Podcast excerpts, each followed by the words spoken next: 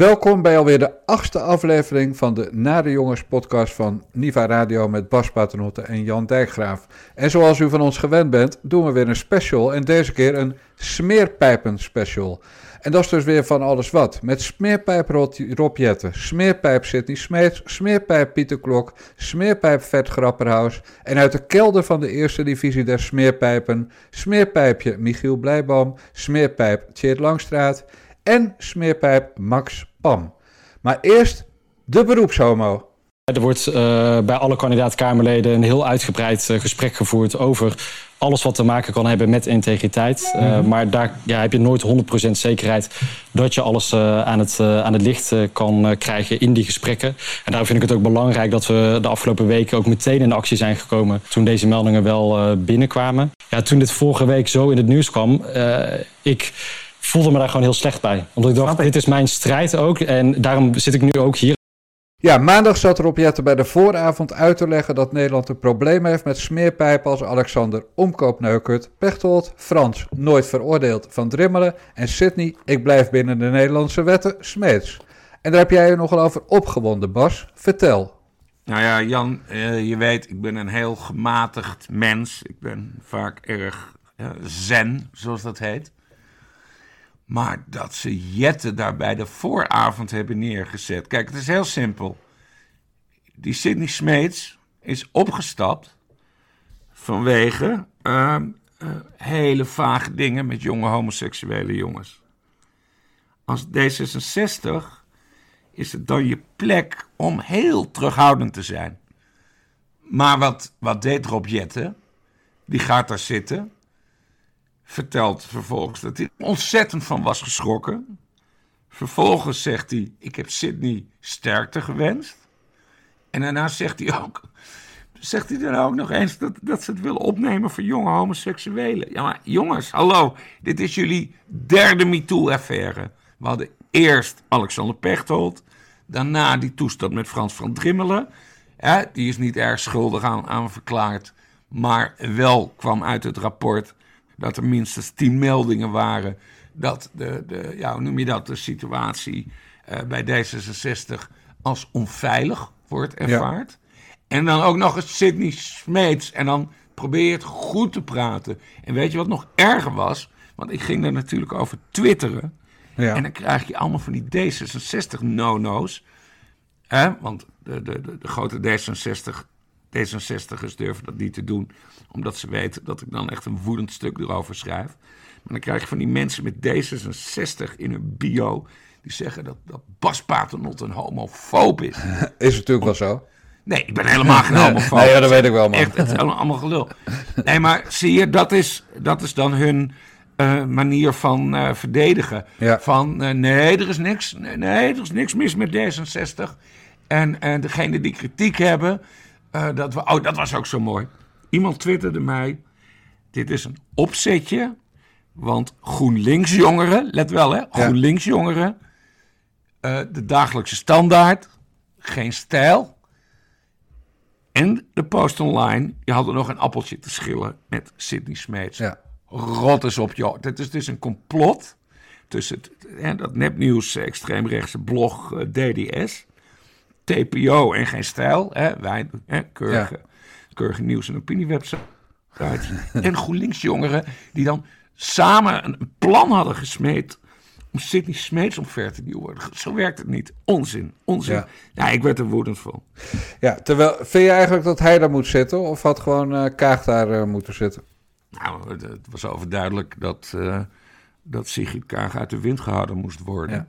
Met haar nieuwe leiderschap. Want natuurlijk had zij als partijleider daar, uh, daar moeten zitten. Hè? Want ze heeft ook uh, meerdere perscommuniqués uitgevaardigd over de kwestie.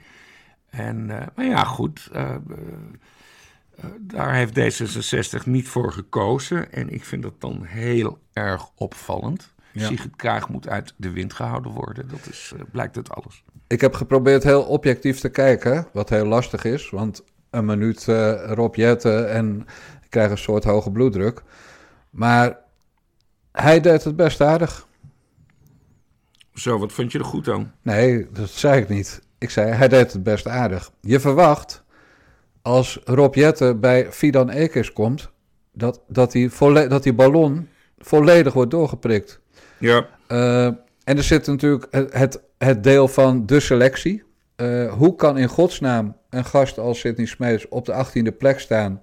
terwijl iedereen weet, vermoedelijk ook Rob Jetten... dat Sidney Smeets een risicogeval is... omdat hij al heel lang uh, met allerlei jochies zit, zit te DM'en...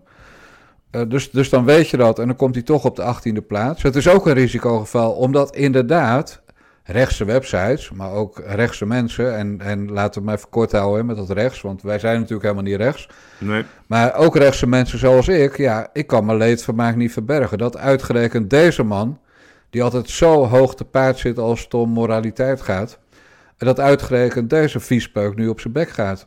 Ja. Dus, dus ook in die zin was hij een risico. Uh, iemand die, die niet de hele wereld het hele jaar loopt te veroordelen, loopt, loopt te framen. Uh, die zou best nog weg kunnen komen met uh, appjes aan jonge jongens. Liefst als hij zelf ook, ook 25 was en geen 45. Maar deze gast is natuurlijk wel even wachten op het moment dat hij op zijn bek gaat. En ja, dan kan je hypocriet gaan doen met dit gun je niemand. Maar dat geldt wat mij betreft eigenlijk alleen voor die jongens die zich hebben laten misbruiken door hem. of die zich onveilig voelden bij hem. Dat gun ik ze niet, maar ik gun Smeets die afgang van harte, als ik eerlijk ben. Dus ik zag een, vanmiddag verscheen er een, een, tweet van Oscar Hammerstein, oud, oud partner van Gerrit Spong, waar Sidney Smeets weer partner van is. Ik heb het nu over als advocatenpartner. Ja, ik snap het, ja. En, en, en Hammerstein maakt een foto dat, dat het bord van... Het, je hebt dan zo'n groot bord met alle namen van de Spong-advocaten dat het bord van, bordje van Sidney Smeets er werd afgeschroefd door een bouwvakker. Oh, serieus? Ja, en ik, ja, ik vind... Jij zegt dat je een beetje leedvermaak hebt. Ik, ik sta er anders in, los van het feit dat ik die Smeets vreselijke vent vind. ja, dat is natuurlijk de totale teloorgang. Dat, die, dat beeld, die foto, dat bord... dat van de gevel wordt, wordt, wordt afgeschroefd. Ja, dan ja, dit is wel je einde carrière. Hij zal wel terugkomen, ongetwijfeld. En dan ga je een paar jaar in de luwte. Ja. En, en, en, daarna wordt hij gewoon weer jurist. En, of hij blijft jurist of whatever. Maar ik vond het een heel sterk, sterk beeld van dat, dat bordje dat dan wordt weggezet. Ja. En ook wel pijnlijk dat dat dan gebeurt uh, bijna twee weken voor zijn dienstverband afloopt. Dus, dus uh, Spong heeft nou ook niet de, zeg maar, de stijl om uh, te wachten tot de laatste dag dienstverband, 30 april. Maar doet het gewoon twee weken van tevoren. Dat zegt ook wel iets, denk ik. Ja, Waarbij we natuurlijk niet moeten denken dat Spong van niks wist, hè Bas? Nou ja, het enige wat ik weet is dat uh, Smeets tot 1 mei uh, verbonden aan het kantoor zou zijn. Ja. Uh, en toen hij Kamerlid werd, hè, want dat, dat, dat moet je scheiden, dus dan, dan moet je sowieso weg. En, maar hij had nu terug kunnen keren en daar heeft Spong overduidelijk geen zin in. En dan kun je inderdaad afvragen, wat wist Spong? En Spong zegt, ik wist van niks. Uh, ja, ik weet niet, ik weet niet of, of, we daar uitspraken over moeten doen. Nee, we kunnen, we kunnen anders, niks met, anders, niks met anders zekerheid zeggen. anders gaat Spong ons aanklagen. Dat, ja. uh, Nee, maar wat wel grappig is om in de gaten te houden. Kijk, Smees is gestopt als advocaat. Hij heeft ontslag genomen als advocaat. Maar Smeets is ook nog uh, betrokken bij de Spong Academy. Want Gerard Mm. Spong schijnt een, een academie te hebben waar die juristen opleidt. Net als die ankertjes dat altijd deden. ja. Uh, dus is dus niet gezegd volgens mij dat hij uh, geen enkel contact meer met hem wil. En dat hij dus ook ontslagen is bij die academy. En dat was Ja. een van zijn nevenfuncties als Kamerlid. Dus in elk geval had hij de intentie om daarmee na 1 mei wel door te gaan. Dus het is wel iets om in de gaten te houden. Of Spong uh, hem inderdaad geëxcommuniceerd heeft. Of dat hij denkt, ik wil hem uit beeld, maar op de achtergrond blijft hij wel werken. En aan de andere kant, ja, je kan Smeets natuurlijk best als docent hebben. Want met, of uh, ja, Smeets, want met boeven vang je boeven, hè? dus hij is niet voor niks de expert op het gebied van uh, uh, homogeweld en intimidatie. En hij kent de Nederlandse wetten als geen ander. Ja, ja, ja. ja. Maar nog even terug naar de vooravond. Ik ben een beetje teleurgesteld aan het raken in de presentatoren. Want ze lieten hem wel heel makkelijk overstappen van Sidney Smeets naar... Oh, oh, oh, wat hebben de LHBTIGKZ-jongeren het toch lastig in Nederland? Ja, daar ging dit helemaal niet om. Ik vraag me af hoe dat werkt in, uh, in Hilversum. Of, of, nee, dit nemen ze op in Amsterdam trouwens. Maar. Oh, sorry, ik moest even een slokje thee nemen. Uh, Fidan Ekis. Is een heldin. Ja. Ben ik gek op. Ik heb haar ontmoet. Heerlijke vrouw. Ze was wel wat mat gisteren. Ja, precies. En de, de vragen der vragen werden gewoon niet gesteld. Wisten jullie, jij wist het Rob, Rob Jetten, of wist je het niet Rob Jetten? Durf je dat hard te beweren? Als je het wist, waarom heb je dan niet voorkomen dat hij op 18 op de lijst stond? Uh, je suggereert nu dat D66 onmiddellijk ingreep, want dat zei hij. Uh, terwijl de waarheid is dat D66 pas ingreep toen die vreselijke, dat vreselijke Twitter-reel openging. En die jongens, die slachtoffers zich daar allemaal gingen melden. En ze al in maart waren exact. ingelicht. Ja. ja. en het daarvoor al hadden kunnen weten van kwaliteitsblogs als uh, de het Twitter-account van Bart Nijman. Het briefje van Jan op TPO. Dus ze hadden het al lang kunnen weten dat er aan zat te komen. Ja. Uh, maar ze hebben het gewoon, ze hebben gewoon gedacht, dit waait wel over, zoals alles overwaait. Maar ja, dat lukt dus niet bij een klootzak als Sidney Smeets. Want daar duiken we wel op als we de kans krijgen. Ja, veel vragen niet gesteld. Mij, mij, werd, mij werd gisteren ook nog verweten dat het een hetze van hetero-rechts zou zijn. Het, echt, dus opeens komt dan je seksualiteit wordt erbij betrokken. Ja. En dat er een, dat er een hetero-rechts zou bestaan. Ik heb, ik heb nooit over zoiets nagedacht. Nee. Uh, het probleem is alleen wel dat, dat Ekies en die jongen, wiens naam ik altijd vergeet. Renze Klamer. Renze Klamer. Overduidelijk hier een, een, een, nee, een speld hebben laten vallen. Een steek hebben laten vallen. Een steek hebben laten vallen. Over hetero en rechts gesproken. Je weet dat ik eigenlijk een sociaal-democraat ben. Hè? Ja. Uh, van oorsprong en, en, diep van binnen nog. Maar ik heb dus gisteren mijn nieuwe MacBook uh, Air moeten inleveren bij mevrouw Dijkgraaf omdat ze honderd keer heeft gezegd in de twee weken dat ik hem had, uh, dat ik een homo-kleur had besteld. Het zijn toch jouw homo-trekjes, kreeg, ik dan, uh, kreeg ik dan elke keer weer te horen. Dat ik die uh, roze gouden, ja, rood-gouden, maar in elk geval, ik had hem besteld als goudkleurige MacBook Air had gekocht.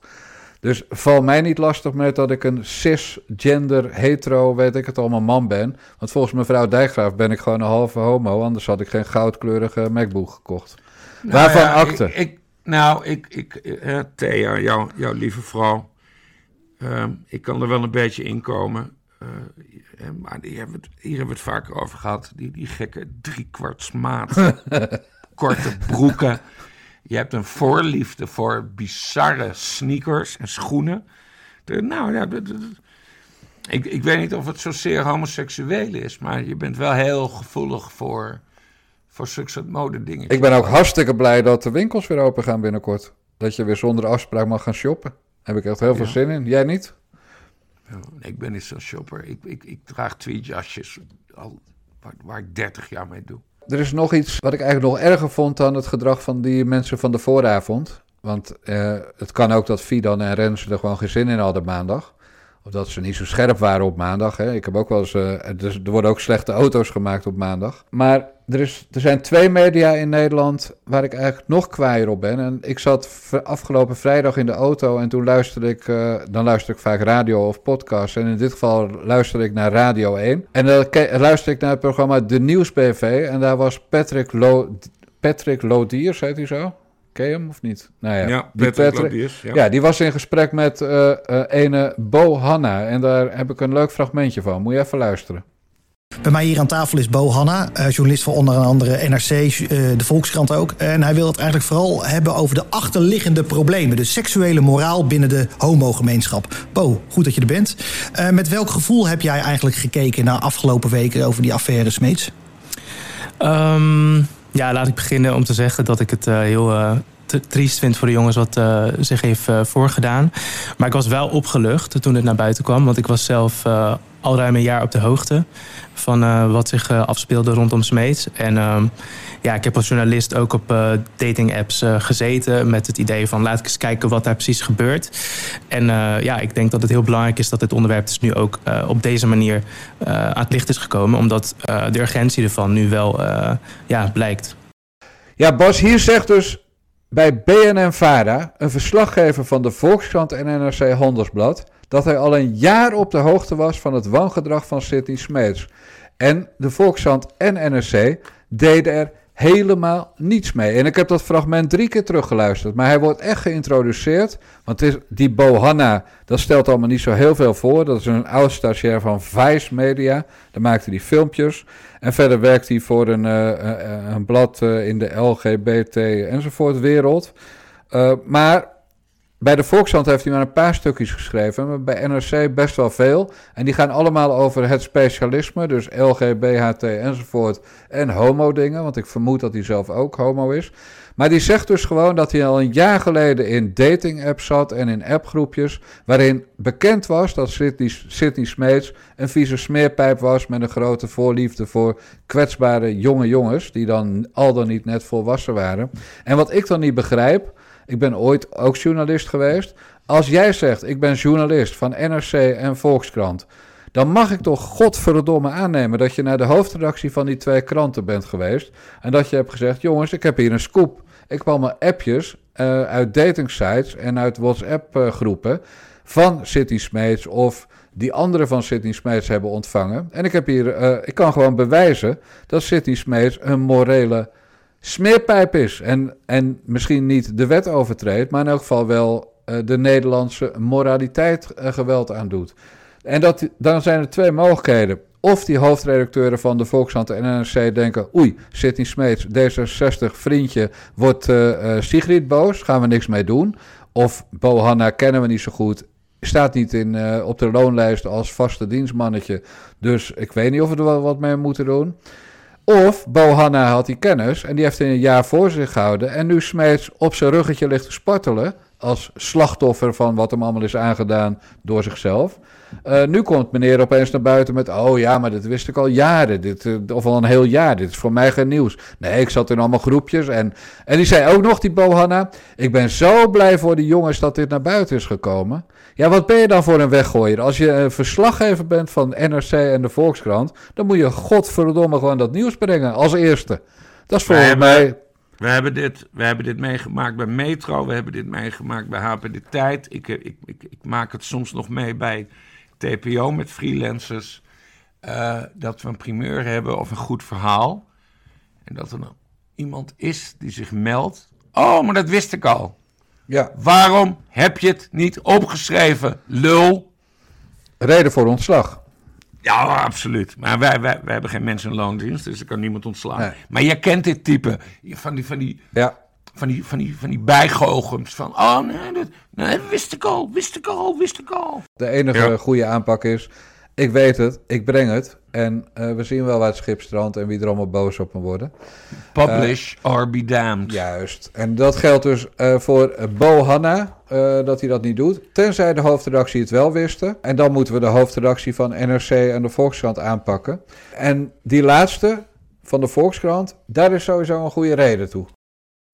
Op 8 oktober, dus vier dagen voordat de klusjesman uitgebreid wordt onderzocht, ondervraagd wordt zijn ex-vriendin, die die die dag na de moord had ontmoet in de binnenstad. En dat is ook een heel interessant gesprek. Er komen ook dingen uit die zeker hadden onderzocht moeten worden, ook niet gebeurd. Maar er zit één ding waar we toen we het zagen, toen waren we verbijsterd. Ze zegt namelijk aan het eind van dat gesprek, en ook dat uh, hebben we omdat we het dossier hebben, als een van de kenmerken van, uh, van de jong, hij slaapt uh, altijd met een mes onder zijn kus. Zegt ook nog met een geweer, maar ook een mes. En dan beschrijft ze het mes. En zegt, ja, dat is een bijzonder mes. is met een uh, krom mes met een punt.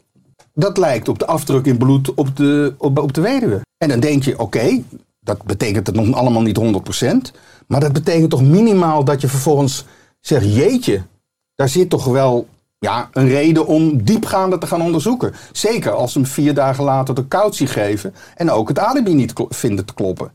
En dan een, maand, een week later stoppen ze volledig met ieder onderzoek. Dus al die onderzoekslijnen zijn niet verder gevolgd. Een deel daarvan is door burgers gedaan. En nogmaals, dat heb ik allemaal gepresenteerd wat ik nu zeg. Veel meer dan dat, want ik kan het niet allemaal openlijk geven. Bij die politieacademie, waar al die rechercheurs ook zeggen... wat jij zegt, dat is het verhaal. En dan zeg ik, maar jullie, jullie zitten bij de politie, waarom zeg je het niet? Weet je wat zij dan zeggen? Ja, dan gaat mijn baan eraan. Ja, het kan namelijk nog erger dan dingen niet publiceren. En dat is dingen wel publiceren. Zoals een pagina grote antisemitische tekening van Maurice de Hond. Jij, Bas, kunt de jongeren en de islamitische luisteraars vast uitleggen waarom dat niet zo netjes is. Nou, we hebben op de redactie van TPO hier ook discussie over gehad. Uh, mijn collega Bert Brussen, die zag het namelijk niet direct als antisemitische tekening. Uh, ik zag wel gelijk een antisemitische verwijzing. En uh, tijdens het Derde Rijk uh, zijn er heel veel van dit soort cartoons geplaatst over Joodse mensen. wat interessant is, want ik ben gaan kijken wie is die tekenaar. En dat is een jongen die heet Joost Halbertsma. En die is geboren in 1984. Dus dat is een soort millennial. Ja. En hij zegt dat hij echt niet die link met antisemitisme gezien heeft. En ik neig ernaar hem te geloven. Want hij is uit 1984. Kijk, ik ben van 76 en ik heb een, een, een, een Tweede Wereldoorlog obsessie. Uh, Lodewijk Asscher, Joodse achtergrond. Uh, die bracht het in werking uh, op Twitter. Nou ja, sowieso logisch dat hij die, die associatie legt. Maar ik heb er toch een beetje te doen met die Halbersma. helemaal ook omdat die Pieter Klok, die hoofdredacteur van Likmefestje, zijn beeldredacteuren voor de, voor de bus gooit. Ja.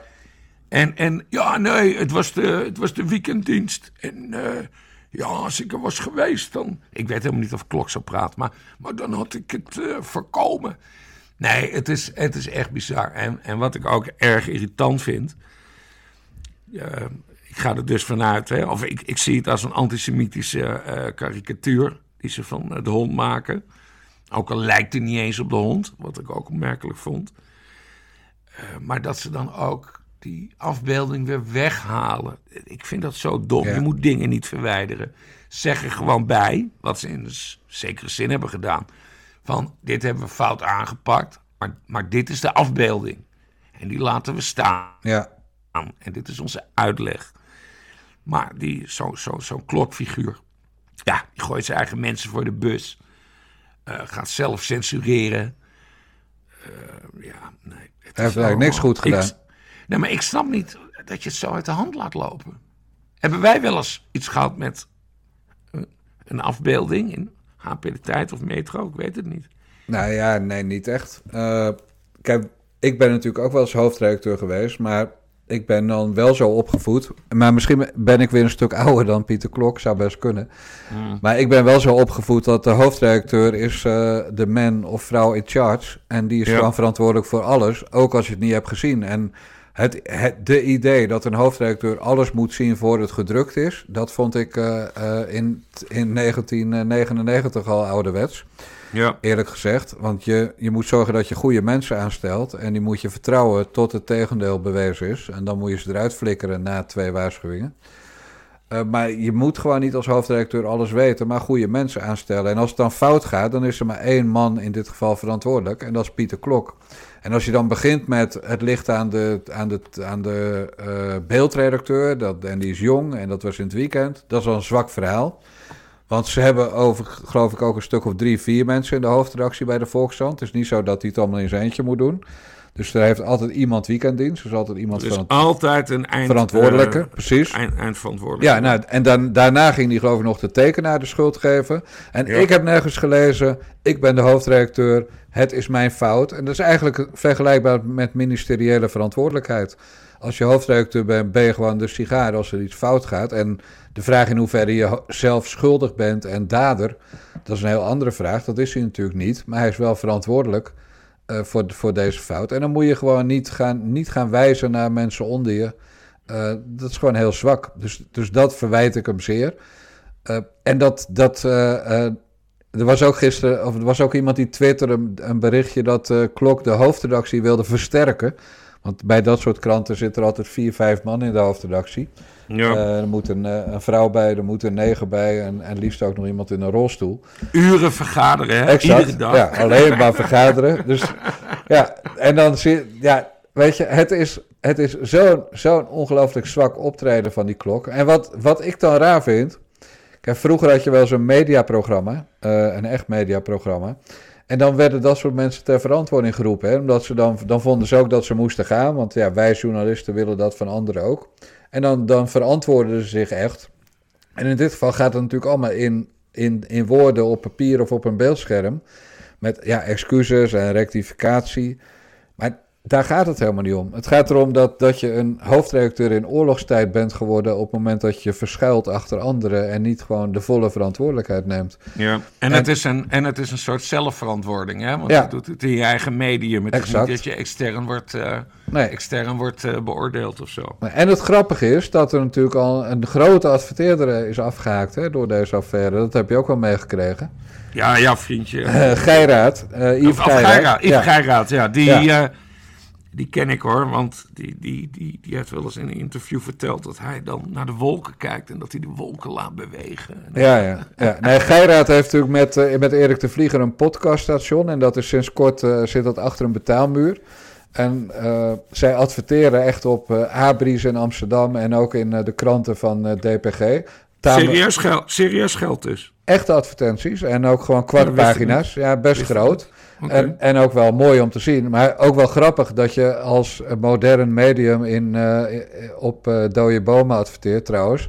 Maar dat terzijde. Maar ja, en Yves Geiraat en Erik de Vlieger en Erik is geen Jood, zeg ik er maar meteen bij, anders heb ik het straks weer gedaan. Maar die zijn allebei best wel zuinig. Dat is namelijk de manier om rijk te worden in Nederland. Ja. Uh, dus op het moment dat je dan een statement kan maken met... kijk nou eens wat voor vreselijks de Volkskrant doet. We sturen een bericht uit dat we meteen alle advertenties bij alle DPG-media terugtrekken. Uh, A, uh, hou je dan geld in je zak? Nou, dat vinden, vindt zowel Geiraat als de Vlieger lekker. Hè, want die geven het liever niet uit dan wel. En B, krijg je wel aandacht. Dus jij wist ook niet dat ze geadverteerd hadden in de Volkskrant. Nee. En sommige mensen wisten dat ook niet en hebben het nu ontdekt doordat ze een boycottactie zijn begonnen, die twee. Ja, ja en dat, dat, is dat, dat vind ik wel heerlijk uh, uh, reageren op de afgang van, uh, van de Volkskrant. En het is natuurlijk ook een, een linkje naar al die, die kipjes die, die tegen voetbal, voetbal Insight en geen stijl elke keer acties beginnen met niet meer adverteren. Ja. Ja, dit is gewoon heel erg in Nederland. Zo'n antisemitische cartoon, uh, vind ik. En dat vind ik niet echt op Bart, Bas, want het zal me jeuken. Uh, als de Volkskrant zich van zijn antisemitische kant wil laten zien, moet de Volkskrant dat lekker doen. Maar mijn, nou ja, mijn, mijn, mijn, mijn belangrijkste overweging bij deze kwestie is dus dat ik denk dat de tekenaar in kwestie, dus de Joost Halbersma, geboren in 1984, dus die rijdt door Amsterdam op een fictie en, en eet uh, macrobiotische bullshit. Dat hij het niet zo bedoeld heeft. En uiteindelijk door de hoofdredacteur toch voor de tram is gegooid. Wat aardig is om te volgen hoe dat altijd gaat in Medialand is... hoeveel werk had deze jongen bij de Volkskrant... en hoeveel werk gaat hij de komende tijd krijgen op de Volkskrant. Want ik ken dit soort uh, Amsterdams aangehoogde hoofdredacteuren... Media, die ken ik als ja, ratten. Dus de kans is best groot dat dat jochie, hij is 36, het is geen jochie, maar dat die, uh, dat die tekenaar gestraft gaat worden zonder dat we het merken. Uh, doordat hij gewoon uh, geen toegang meer krijgt tot de pagina's en dus geen ja. omzet meer draait. want dat is hoe ze het vaak doen, hè? van nu laten ze hem niet vallen en, en ja, sorry, jammer, en kan gebeuren. Maar dat hij dan toch, omdat hij de Volkskrant uh, uh, iets uh, heeft aangedaan, onbewust, dat hij dan toch gestraft moet worden in zijn portemonnee. Dus ik voorspel je, hoe heet hij? Halbersma? Ja, Joost Halbersma. Joost Halbersma, die gaat minder omzet krijgen van de DPG-kranten. Voorspel ja, en dat, en, en, dat vind ik onterecht. Ja, Willen wij het nog inhoudelijk hebben over Maurice de Hond? Ik niet. Man, ik heb, ik, nou, ik heb net dat fragment gehoord. Ik ben er wel weer klaar mee. Ja, als jij dat graag wil, vind ik het allemaal goed. Maar. Nee, maar ja, ik, heb, ik heb die podcast ook geluisterd. En hij duurde mij veel te lang. Ja. Echt. Het duurde en duurde en duurde en duurde. Maar. En Maurice ken ik. We hebben wel eens met Maurice samengewerkt. Die heeft ook peilingen voor Metro verricht. Ik vind hem niet onaardig. Ik stond er wel een beetje van te kijken, zijn rol. Uh, hoe dat wordt uitgelegd als de, de wat dus die afbeelding is als hè, de puppet player. Ja. Um, vind je er echt niks van? Nee, want, want... Ik, heb, ik heb die docu niet gezien. En, maar uh, kijk, Maurice, van Maurice de Hond heb ik wel ooit een belangrijke mediales geleerd. Mm. Want er was ooit zo'n mediaprogramma bij de VARA waar ik wel eens kwam. Omdat ik dan ter verantwoording werd geroepen voor het een of het ander. Ja. En er was ook een keer een, in conflict met Maurice de Hond. En wat deed Maurice de Hond heel slim? Voor de uitzending, en dat had ik niet door, hè, was een van mijn eerste tv-optredens. Maar Mm. voor de uitzending, dan kruipt hij bijna, bijna tot je huig je reet in. Hè? Zo aardig is hij dan tegen je. Ja, ja. En dan krijgt hij de eerste vraag. En dan gaat hij kei en kei en keihard tegen je in de aanval. Terwijl jij denkt, nou, aardige man. Het was de eerste keer dat ik hem zag. Aardige kerel, wat doet hij hier sympathiek tegen me. Terwijl we eigenlijk een soort van fitty hebben. ja. Eh, maar dat is puur theater om, eh, om in de uitzending, als je dan helemaal live bent, om eh, meteen over te gaan tot de kill. ja. En dat is een trucje wat ik wel van hem heb overgenomen af en toe. Dus alle waardering voor Mark Rutte, Mark Rutte doet dat ook. Ja. Die, die, die, dat, dat verhaal ken ik. Die pakt je ook helemaal in. V- vlak voor een live eh, tv-debat of zo. Dan pakt hij in en daarna valt hij aan. Enfin, we, we gaan dit onderwerp afronden. Ik heb begrepen dat eh, Maurice eh, de Hond zelf een podcast gaat opnemen hierover. Ja. Over dit onderwerp. Ja, we kunnen, kijk, we komen altijd nog wel met een complot special of drie. Dus Ja. dan doen we, kunnen we er altijd eentje aan iemand als Maurice de Hond wijden. Want af en toe neigt hij natuurlijk ook wel naar die kant.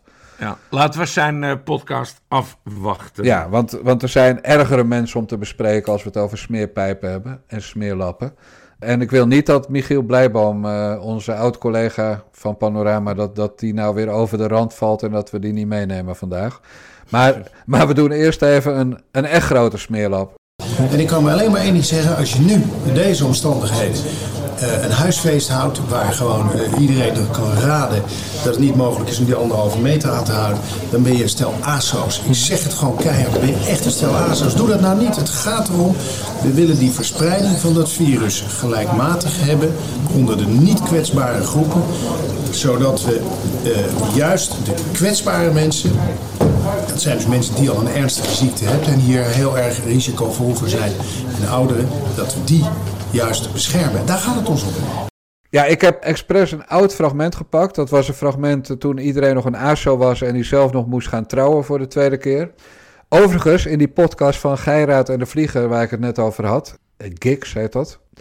Daar, daar zei, ik luister dat ding heel erg scannend, hè. Ik scan steeds tien minuten verder. Want Ja, want het- die het duurt drie uur. duurt continu drie uur. Daar heb ik helemaal geen tijd voor, Ik vind de vlieger een aardige gozer, maar geen halve werkdag per week eh, naar zijn podcast luisteren. Ja, dus, maar in elk geval, ja, op het eind, eh, op het eind zegt hij dus gewoon dat Grapperhaus, Erik heeft een ex, dat Grapperhaus zijn ex wilde, ik, ik citeer nu letterlijk, neuken. Dus dat zit in de podcast van, eh van Geiraat en de Vlieger. Grapperhaus wilde de ex van Erik de Vlieger neuken. Eh, maar goed, dat is er dus niet van gekomen, want hij ging trouwen met eh, mevrouw Wietsers, Lisbeth Wietsers. Van. Elsevier. Van Elsevier, ja. En bij dat huwelijk gedroeg hij zich als de ASO waar hij het zelf over had. ja. Maar waarom ik nou dat fragment heb gepakt, omdat ik het gewoon een ongelofelijke smeerpijp vind, is, is niet omdat hij weer heeft staan tongen met zijn schoonmoeder. Maar dat is vanwege, en dat is deels zijn schuld, maar in elk geval, dat is omdat het kabinet afgelopen vrijdag dat voorstel heeft goedgekeurd. Om eh, quarantaineplicht ook echt een plicht te maken. Dus tot nu toe, als je naar het buitenland was geweest om noodzakelijke redenen, zoals vakantie of werk, of eh, zieke, zieke familieleden over de grens. Maar dan kreeg je het advies om in quarantaine te gaan. Nu krijg je de plicht. Nou, boeien, mag van mij. Maar wat, wat ik echt heel vreselijk vind, is dat ze je gaan controleren. Dus een ambtenaar van het ministerie van Volksgezondheid gaat controleren of je thuis bent. Nou, sorry, maar ik heb niet eens meer een vaste telefoon. Zelfs ik niet. Laat staan jongere mensen. Dus ik neem mijn telefoon ook op als ik niet thuis ben. Dus laat ze maar bellen. Maar erger is dat als je buren zien dat je niet thuis bent. Dan mogen ze gaan bellen naar een nummer van het ministerie van Volksgezondheid. En dan kunnen ze je aangeven. En dan kan de burgemeester van jouw dorp of stad een telefoontje krijgen. En die kan dan komen handhaven. Nou, nog altijd mogen ze niet zonder reden je huis invallen. Maar in dit geval dus wel. Eh, want op het moment dat er een, een serieuze verdenking is dat jij de quarantaineplicht ontwijkt, dan ben je zogenaamd of echt een gevaar voor de volksgezondheid. En dan kan de politie dus wel je huis binnendringen om te controleren uh, of je je aan de plicht houdt. Nou, hou je niet aan de plicht, krijg je ook geen boete van 95 euro, zoals wanneer je op de bruiloft staat te tongen met je schoonmoeder. Maar krijg je een boete in de 400 euro categorie en dus meteen een strafblad. Dus stel Bas, jij moet uh, voor werkzaamheden naar Polen. Ik noem maar wat, daar kwam je vaak vroeger voor werkzaamheden. Ja. jij komt terug naar Nederland, jij zit in quarantaine. Jouw uh, Miesje B die wordt grieperig en jij moet de boodschappen doen en je hebt geen klachten. En jij gaat even naar de Albert Heijn in, in Utrecht. En je wordt betrapt, dan heb jij een strafblad.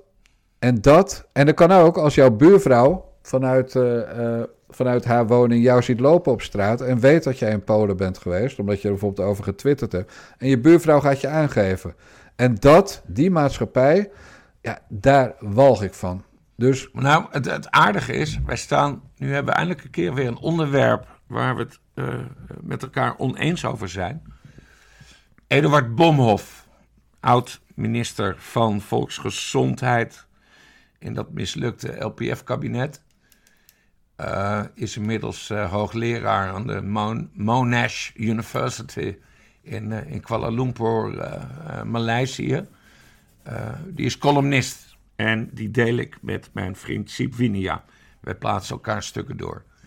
Eduard Bomhoff roept zich al, al bijna vanaf het begin van de coronacrisis bepleit hij die verplichte quarantaine van iedereen die het land binnenkomt. Want zo doen ze dat in Maleisië. Regelen een hotel, mensen gaan er twee weken in. Uh, daarna test je ze en dan kunnen ze terug de samenleving in. Ik vind het helemaal geen gek idee, de verplichte quarantaine. Als jij uh, net over de grens in Duitsland werkt, ja. dan kan je dus een halve dag gaan werken. Dan ga je terug naar huis. Dan moet je tien dagen in Nederland in quarantaine. En dan kan je weer een halve dag gaan werken. En dan geldt hetzelfde weer. Ik ben op ja, zich dat ook. Zijn gren, ja, dat, zijn grensgevallen. Maar, maar ik, grenswerkproblematiek. Ik ben op zich ook niet tegen een quarantaineplicht. Ik ben er tegen uh, dat, dat er meteen verraaierstrucs uh, worden uitgehaald. Ik heb, in Duitsland geldt ook een quarantaineplicht. Als wij nu naar Duitsland gaan. Hmm. Maar ik dacht niet dat de Duitsers, die toch een zekere reputatie hebben uh, als het gaat om bellen met de diensten. Dat, dat de Duitsers dan de diensten kunnen bellen om jou aan te geven. Daar gaat het me vooral om. Quarantaineplicht ja, nee, maar dat is, kijk, kijk, die grenswerkersproblematiek is volgens mij redelijk op te lossen. Daar moet je gewoon heldere afspraken over maken. ik, ik, ik, las trouwens een artikel deze week over een, vorige week over een meneer die 500 euro per week aan zelftesten moest uitgeven, omdat ja. hij over de grens werkt. Ja, dat vind ik onzin. Uh, die, die, die moet gewoon gesteund worden door, door de overheid. En als je het allemaal maar in de gaten houdt, dan, dan, dan komt het allemaal wel, wel goed. En verder allerlei uit verre buitenlanden, dus zeg maar alles wat land op Schiphol, direct in quarantaine, mag van mijn belastinggeld, twee weken in een hotel, testen, ben je goed? Prima. Nou, nou kun je aan de slag. Ja, in Engeland moet je trouwens zelf betalen. Dus de staat betaalt dat helemaal niet. Uh, dus dat betekent maar dat... ik vind dus dat de staat het wel, ja. ik vind dat de staat het wel moet betalen. Maar goed. Beter dan uh, een field lab van een miljard euro. Oh, dat zeker, ja. Field lab is een grap. Ja. Uh, maar het, het klikken, en we hebben natuurlijk in Nederland 400.000 kliklijnen, dat komt mij met name mijn strot uit. Want dat betekent, nou, de burgemeester die dan. Je ziet het voor je, hè? Je belt naar Den Haag. Daar zit een callcenter medewerker. Dat is, een, een, dat is iemand die weinig kan. Uh, maar er zit een callcenter. Goh, meneer uh, Dijkgraaf, die, die zit in quarantaine, want die is toevallig in Frankrijk geweest. En die is zijn hond aan het uitlaten. En die loopt niet op zijn eigen erf, maar die loopt over de straatweg. Nou, dan wordt vanuit Den Haag wordt de burgemeester van de Frieske Marre gebeld. En die vindt mij toch al niet zo aardig, die meneer. En dan, dan krijgt hij te horen: hé, hey, je kan nu Dijkgraaf laten, laten een strafblad bezorgen. Dan moet je even snel een wagen naar Friesland sturen. Want we hebben namelijk ja. nog nooit zoveel politie in Lemmen gezien. als, uh, als sinds uh, de coronatijd. Uh, je kan ze niet missen. Elke dag kom je ze tegen. Nou, normaal... Is dat echt waar? Vertel. Ja. vertel. Dit, nou ja, dat, dat dit is... moet je me uitleggen.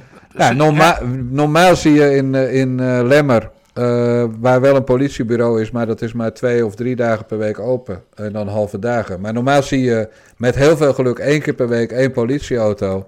En nu zie je echt meerdere polities per dag. En, en of er is opeens meer blauw op straat, eh, of er zijn veel meer politieagenten. Ik heb geen idee hoe het komt, maar het is gewoon feitelijk waar. En eh, ik, ga tegenwoordig, ik neem tegenwoordig echt alles mee als ik in de auto ga. Mijn kentekenbewijs, mijn rijbewijs, eh mijn gevarendriehoek, eh, eh, water om als ik vast kom te zitten. Alles neem Ja. ik mee wa- wat mij een bekeuring kan opleveren. Want ja, het is gewoon, je, het is een beetje politiestaat, bij wijze van spreken, hier in Lemmer.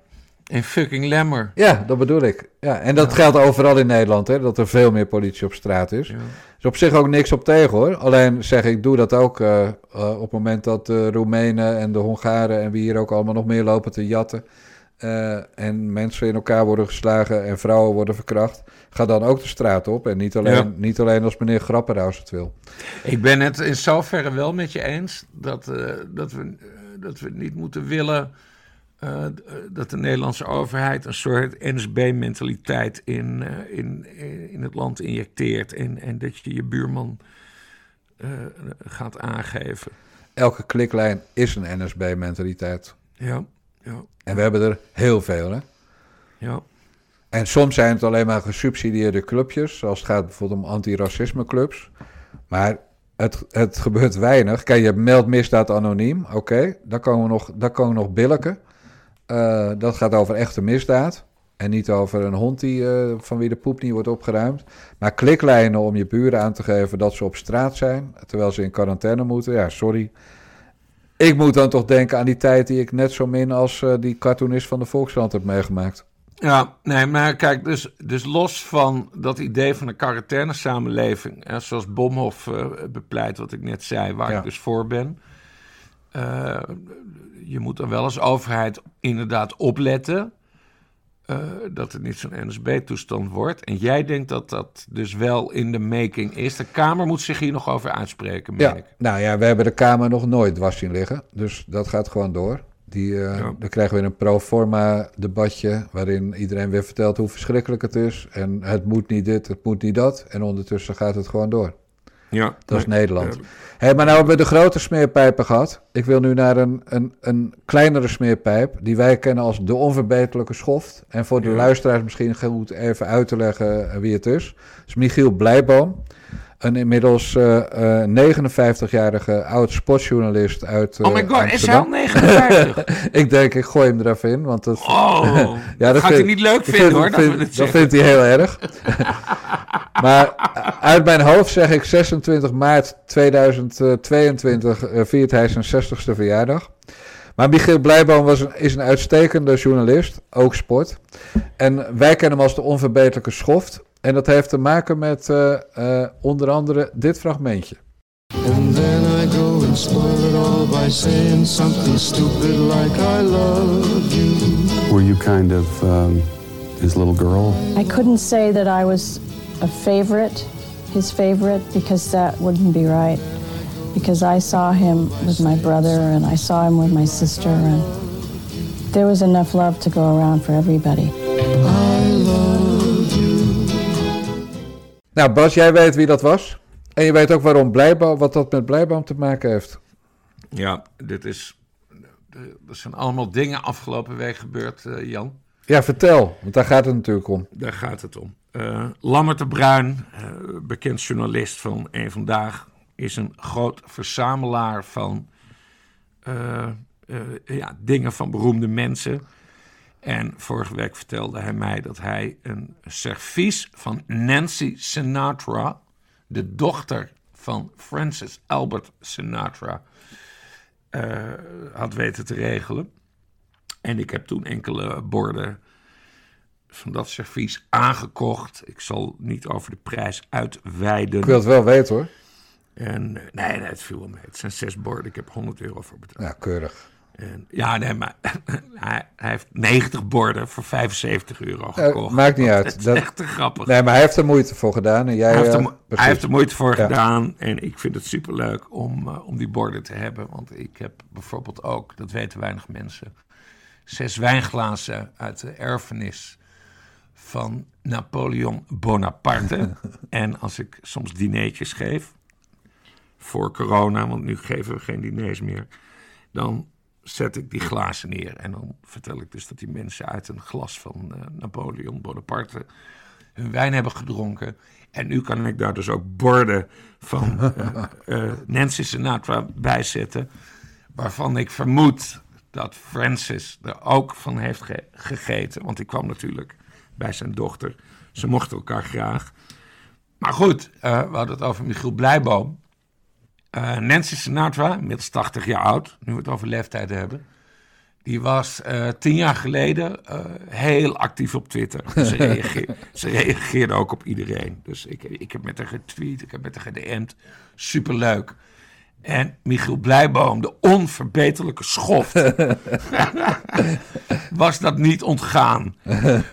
dus hij ging dan naar Nancy's, uh, Nancy tweeten van... oh, ik, ik zie dat u, in het Engels, maar ja. ik zie dat u met, uh, met Bas Paternot aan het tweeten bent. Wat, uh, wat interessant. Uh, wist u dat hij op, op, op biljarttafels een ontzettend slechte imitator is? En, en, maar zijn, zijn allermooiste opmerking was... Beste Nancy, klopt het dat uw vader ook zanger was? nee, maar dat is typisch Blijboom. Zuigen, zuigen, zuigen. Maar ze heeft hem jaren gevolgd. En in 2016 of zo ik weet niet meer, maar toen, uh, toen uh, uh, ik weet niet meer wat de aanleiding was. Maar ergens in 2016, want ik heb, ik heb het opgezocht. Toen heeft ze Blijboom geblokt en, en noemde ze hem een schoft. Echt? ja, ja, echt gaaf. Ja, dat is heel goed, ja. ja. ja. Nou, ik vind dat een mooie anekdote. Wat heb jij nog meer voor spullen in de memorabilia-sfeer? nou, ik heb nu dus die borden van Nancy ik heb glazen van Bonaparte. En ik heb nog, ik weet niet of we dat uh, moeten vertellen, maar ik heb ook nog wat nazi-dingetjes. Ja, vertel me. Ja. Kijk, je kan ook aan mij vragen of ik dit eruit wil knippen en dan zeg ik nee. Maar, maar die, maar die het, heb je het is niet... wel interessant, hè? We hadden, we hadden het er eerder... eerder Over Polen hadden we het. Nee, we hadden het eerder over, over, over uh, mijn interesse in de Tweede Wereldoorlog. En, en waarom ik ook gelijk die, uh, die karikatuur als antisemitisch zag. Nee, er was. die meneer het Kromhout. Dat een, een, die heeft een boek geschreven over, over Veldmeijer. En dat was de hoogste Nederlandse SS'er. En ja, dit wordt een heel ingewikkeld verhaal. Maar in de kern komt het neer.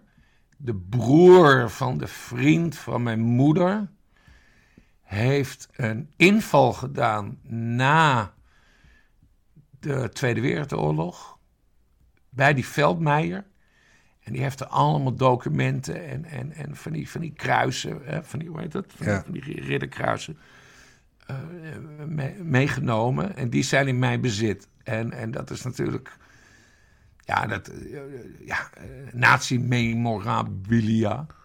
Maar het is toch, toch een stukje geschiedenis. Dus dat ligt hier gewoon in een, in een verhuisdoos. Dat is verder Ja. niet zo Nee, het, ligt, het hangt niet aan de wand, begrijp ik. het hangt niet aan de wand. Die borden van Nancy Sinatra. Ik moet de doos nog uitpakken, want ik heb het erg druk. Maar ik moet de doos nog uitpakken en daar ga ik een video van maken. En ja, binnenkort krijg ik hier gasten en dan eten ze van een bord van Nancy Sinatra. Kikken. En dat gaat niet een wasmachine in, neem ik, een vaatwasser in. Nee, en, en Lambert en ik eh, op de Dekselse Twitter, eh, we, we kregen ook kritiek van... Oh, oh, dat, dat jullie tijdens coronatijd dit soort, soort dingen kopen en het is allemaal hartstikke duur. En, maar wat, wat dus meeviel, want hij heeft dus voor 75 euro alles gekocht. En, en, en ik heb 100 euro betaald voor zes borden. Dus hij draait dikke winst. Uh, maar wat nog erger was, en dan zie je echt die Nederlandse kleinburgerlijkheid... van is het wel afwasserbestendig? Who the fuck cares? Het zijn de borden van Nancy Sinatra. En ik voel de vibe uit die doos die ik nog steeds moet uitpakken. Als ik mijn hand erboven houd. En de, de kat ging er ook helemaal... Hè, onze, onze kat ging erop zitten, die werd helemaal gek. Er zit minimaal één bord in... waar Frank Sinatra van heeft gegeten... En ik werk 60 uur per week. En ik vind het super mooi dat ik zoiets kan kopen. Ja, en verder is Lambert natuurlijk wel een ongelooflijke hebberige teringleier, hè? Hij, Als- is, hij is geweldig. Hij heeft, hij Als jij eh, 90 borden voor 75 euro koopt en dan vervolgens voor dit bedrag doorverkoopt aan jou, vind ik toch niet helemaal in de haak, eh, Bas. Lambert is een fenomeen. Weet ik. Hij heeft, hij heeft de Bijbel van Elvis Presley gekocht. Elvis was heel erg, eh hoe heet dat, gelovig hè? Lambert heeft de Bijbel van Elvis Presley. Ja. Nee, dan ben je een topverzamelaar. Nee, dat geloof ik wel. Maar even, even to the point nog. Hoe is dat bedrag tot stand gekomen? Hij vroeg 100 en jij zei dat is goed. Of jij zei, wat moet je ervoor hebben? Zei hij, roep maar wat. Nee, nee, dat was mijn initiatief. Ik zei direct, ik, geef, eh, ik heb 100 euro over voor zes dinerborden. Ik wil geen ontbijtbordjes. Ik wil zes dinerborden. Kun je 100 euro voor krijgen. Hebben we een deal. En toen hadden we een deal. Dus die ontbijtbordjes heeft hij nog. Ja. Ook zes. Ja, het, is een enorm, het is een enorm servies. Het heeft hem trouwens wel veel gekost. Want hij heeft het dus voor 75 euro gekocht. Eh, alle- alleen het werd in zes pakketten Oh ja. vanuit Los, Los Angeles eh, bezorgd. Shipping. En het, ja, shipping. En het aardige was ook nog, eh, het veilinghuis heeft het dus voor Nancy Sinatra eh, verkocht. Op een gegeven moment kreeg hij mail van het veilinghuis dat eh, bepaalde onderdelen eh, ontbraken. Dus dan moet je denken aan een chukommetje of zo. Ja. En, en dat het veilinghuis bereid was om de verkoop terug te draaien, maar met de mededeling dat mevrouw Sinatra niet voornemens was om het terug te draaien. Ja. En Lammert die zei toen heel slim van eh, je moet nooit nee zeggen tegen een Sinatra. Dus de deal gaat door. Maar betek- betekent dit nou ook dat Nancy Sinatra ongeveer 60 euro heeft gekregen voor haar eigen servies? Ja, komt het wel op neer. Godskaleren. Zit ze zo in geldnood? Nee. Frank Sinatra, dat weet, dat weet niet iedereen, was uiteraard dus zanger. Heeft hij veel geld mee verdiend. Maar had ook heel veel bedrijven. Hij, hij, eh, hij zat in een ruimtevaartproject. Eh, hij zat in hotels. Hij zat in casino's. Nee, de, de, de familie Sinatra eh, zijn niet armoedig. Maar goed, Nancy is ook al 80. En dan kom je wel op het punt dat je wat, wat oude troep eruit gaat gooien. Waaronder dus je eigen servies. Ja. En daar krijg je dan zes tientjes voor. En daar krijg je dan zes tientjes voor. En Michiel Blijboom die gaat afzeiken. Wat treurig. wat treurig. hey, we hebben nu Blijboom gehad. Zeg maar een, klein bier onder de schaamteloze schoften. Ja. Maar we hebben ook nog een geldwolf in Rotterdam zitten. Die gaan we ook even doen. En dat is Tjeerd Langstraat. En die is gek genoeg bij jou thuis geweest. Eh, want wat ik ook eh, leuk vond, is dat je natuurlijk Rotterdam kent natuurlijk heel goed, omdat je daar bent geboren en getogen. Maar er komt bijvoorbeeld een scène voor in een, in een cafeetje, dat heet Café de Oude Sluis. Ja. En daar heb je barman Danny. Ja, Bestaat die, hè? Danny bestaat zeker. Ja? Danny is echt gewoon uh, Vond hij hoe het gaaf dat hij een, Ja, eh, Danny vind ik hartstikke tof. ja. Ik vind het zo grappig.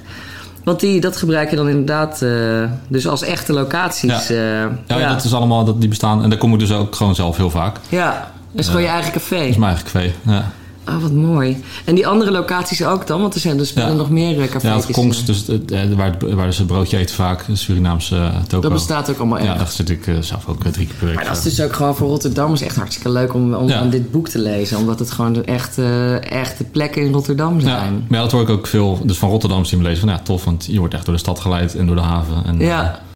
Ja, we moeten toch even over Tjeerd Langstraat hebben. Want die wordt door een enkele Twitterheld ook al gezien als een smeerpijp. Hij wil namelijk, schrik niet, geld verdienen met zijn nieuwe boek Rest in Peace, Tjeerd Langstraat. En dat boek, Ja.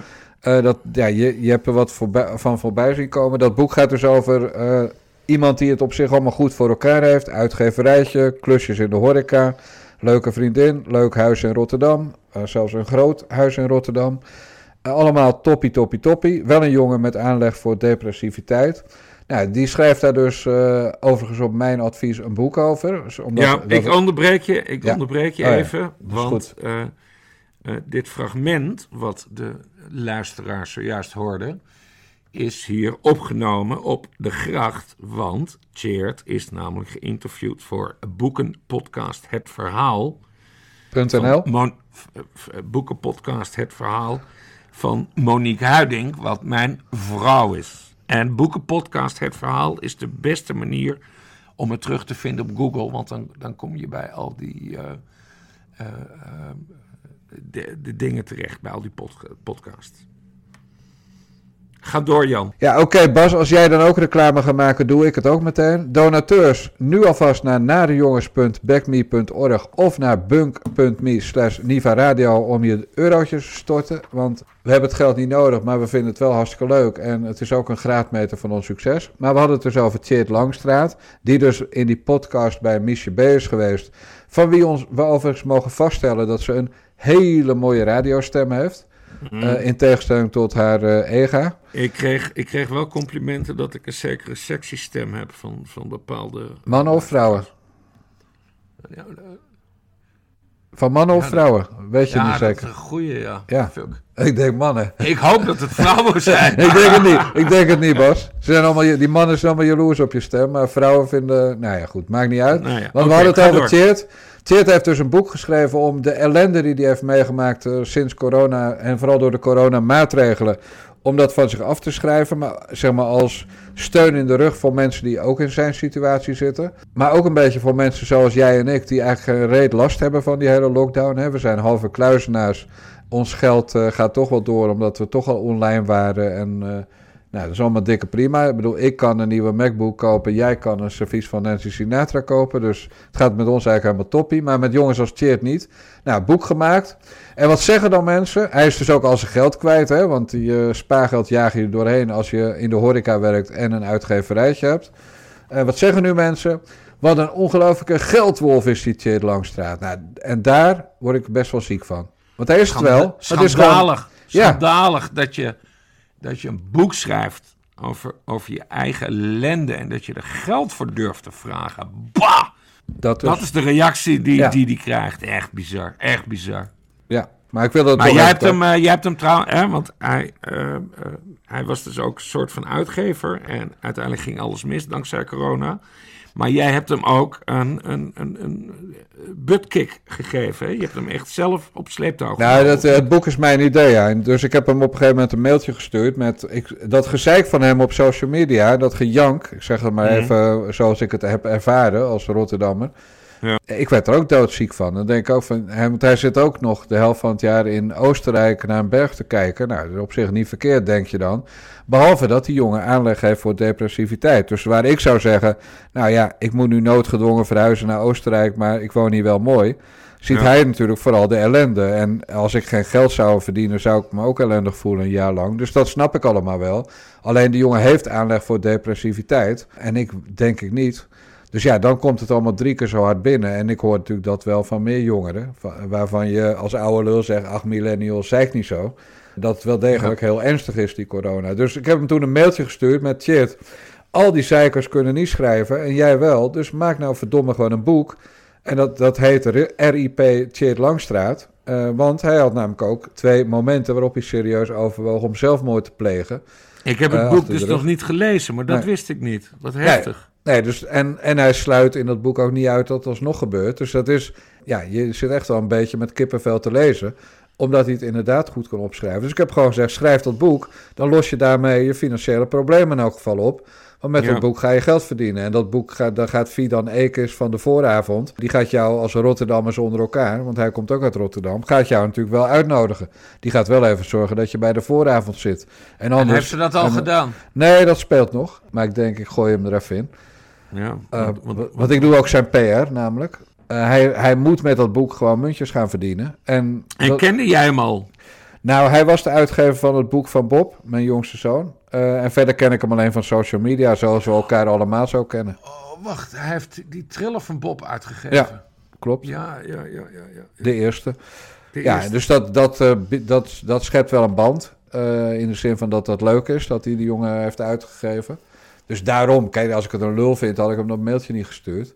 Nee. En ik heb toen wel gezegd van, uh, als het een, uh, een bepaald aantal, een bepaalde oplage haalt, wil ik uh, tipgeld voor het idee. Want zelf had je dit blijkbaar niet verzonnen. Ja. en als je problemen hebt om het te financieren, dan wil ik je daarbij wel helpen. want dankzij het boek van Martin Meiland heb ik wel een klein spaarpotje tegenwoordig. Ja. Eh, dus toen heeft hij ervoor gekozen dat ik hem hielp met financiering. En ik help hem met de PR, want hij zit in Oostenrijk en ik hier. Dus ik zit gewoon eh, volgende week boekjes in te pakken en te verzenden voor die jongen. Ja, en loopt het? Eh, nog lang niet hard genoeg, maar eh, aardig, aardig.